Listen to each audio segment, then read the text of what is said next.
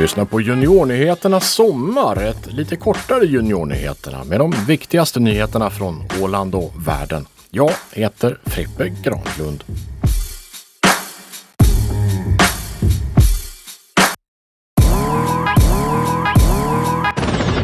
Turister är viktiga för Åland.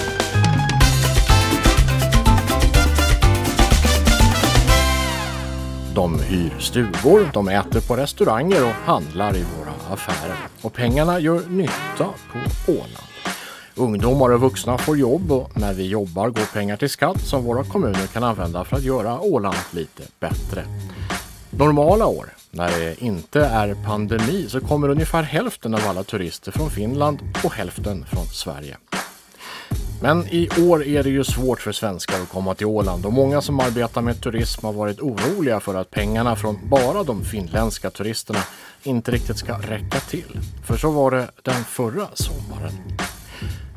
Men det har kommit fler turister än vanligt från Finland så sommaren verkar bli jättebra för alla som arbetar med turism. Det har nästan blivit för bra. För det är så många som reser ut i skärgården att platserna på våra färjor inte riktigt har räckt till. Nu vill de som arbetar med turism i skärgårdskommunerna att landskapsregeringen sätter in extra turer för färjorna så att fler får plats. För även om platserna kanske räcker till för turisterna så blir det trångt för de ålänningar som behöver få åka med. För att få över bilen till Åland eller fastlandet så är det flera dagar eller veckor som vi måste vänta och det tycker jag är helt ohållbart. Det säger Sara Kemetter som har en stuga på Kökar. Hon har bland annat skrivit insändare i tidningarna om de fulla färjorna. Christian Wikström är infrastrukturminister. Det är han som bestämmer över hur färjorna används. Han menar att problemet beror på många olika saker men att en lösning i framtiden skulle vara att köpa större färjor med plats för fler bilar och fler passagerare.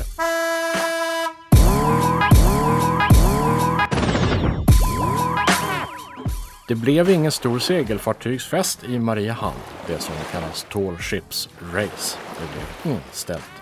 Det var många som såg fram emot att få se flera stora segelfartyg angöra hamnen. Men när Åbo, som var nästa hamn i tävlingen, sa nej tack på grund av coronapandemin så blev det på samma gång omöjligt för Mariehamn att vara med. Men när Tall Ships Race ställdes in lovade de åländska arrangörerna att anordna en lite mindre segelfartygsfest istället. Och igår kom ett stort polskt segelfartyg till Mariehamn. Det är en fullriggare. Ett fartyg kallas fullriggare om det har minst tre master med så kallade råsegel. Det här polska fartyget ligger vid kaj i Västerhamn i Mariehamn och det är öppet för besökare nu i helgen. Så har du ingenting att göra, gå och titta. För till skillnad från vårt eget fartyg Pommern så seglar det här polska fartyget fortfarande på världshaven. Har du beställt saker på postorder från en butik på nätet utanför Åland? Då kanske du måste vara beredd att vänta lite längre än vanligt på att få hem dina grejer. Tullen som kontrollerar alla paket som skickas till och från Åland har nämligen skaffat ett nytt datorsystem och börjat använda nya regler för vad som ska förtullas och när saker ska förtullas.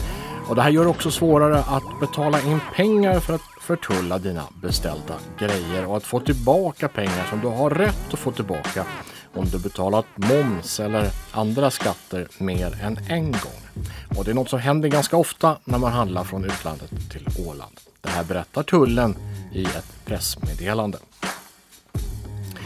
Och så här krångligt är det inte om man bor någon annanstans i Finland. Det är bara på Åland vi måste krångla med tullavgifter.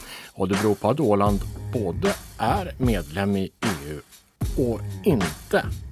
Vi står utanför något som kallas EUs tullunion. Så för affärer på nätet i Finland fungerar Åland som ett eget land utanför EU, trots att vi egentligen inte är det.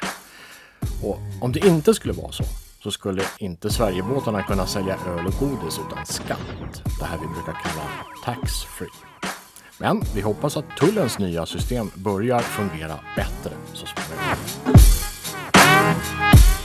Alla virus förändras med tiden. Det gör coronaviruset också och det har bildats flera nya varianter av viruset som alla beter sig lite olika i kroppen. Den variant som föddes i Indien, den som kallas delta, har gjort många läkare oroliga. De har inte varit säkra på att vaccinet som alla vuxna får just nu verkligen skulle döda deltaviruset. Men nu har Världshälsoorganisationen, som gör att alla som forskar om hälsovård i världen kan arbeta tillsammans och hjälpas åt med forskning, kommit fram till att vaccinerna faktiskt biter på deltavirusen. Vaccinerna är bättre på att döda de första varianterna som upptäcktes, framförallt den version som heter alfa. Men de biter på delta också alltså, det har man bevisat nu. Men det är viktigt att vuxna får minst två doser av vaccinerna för att de ska fungera så bra som möjligt. I framtiden kommer vuxna antagligen att behöva ta ännu en dos, kanske till och med en fjärde dos. Men huvudsaken är ju att det fungerar. I framtiden kommer antagligen även barn och ungdomar att behöva vaccinera sig mot corona. Inte för att de brukar bli jättesjuka själva. Barn och ungdomar klarar sig faktiskt bra om de blir sjuka av coronaviruset. Utan det är för att de inte ska smitta sina föräldrar och andra vuxna. För de kan bli väldigt sjuka, till och med dö om de smittas.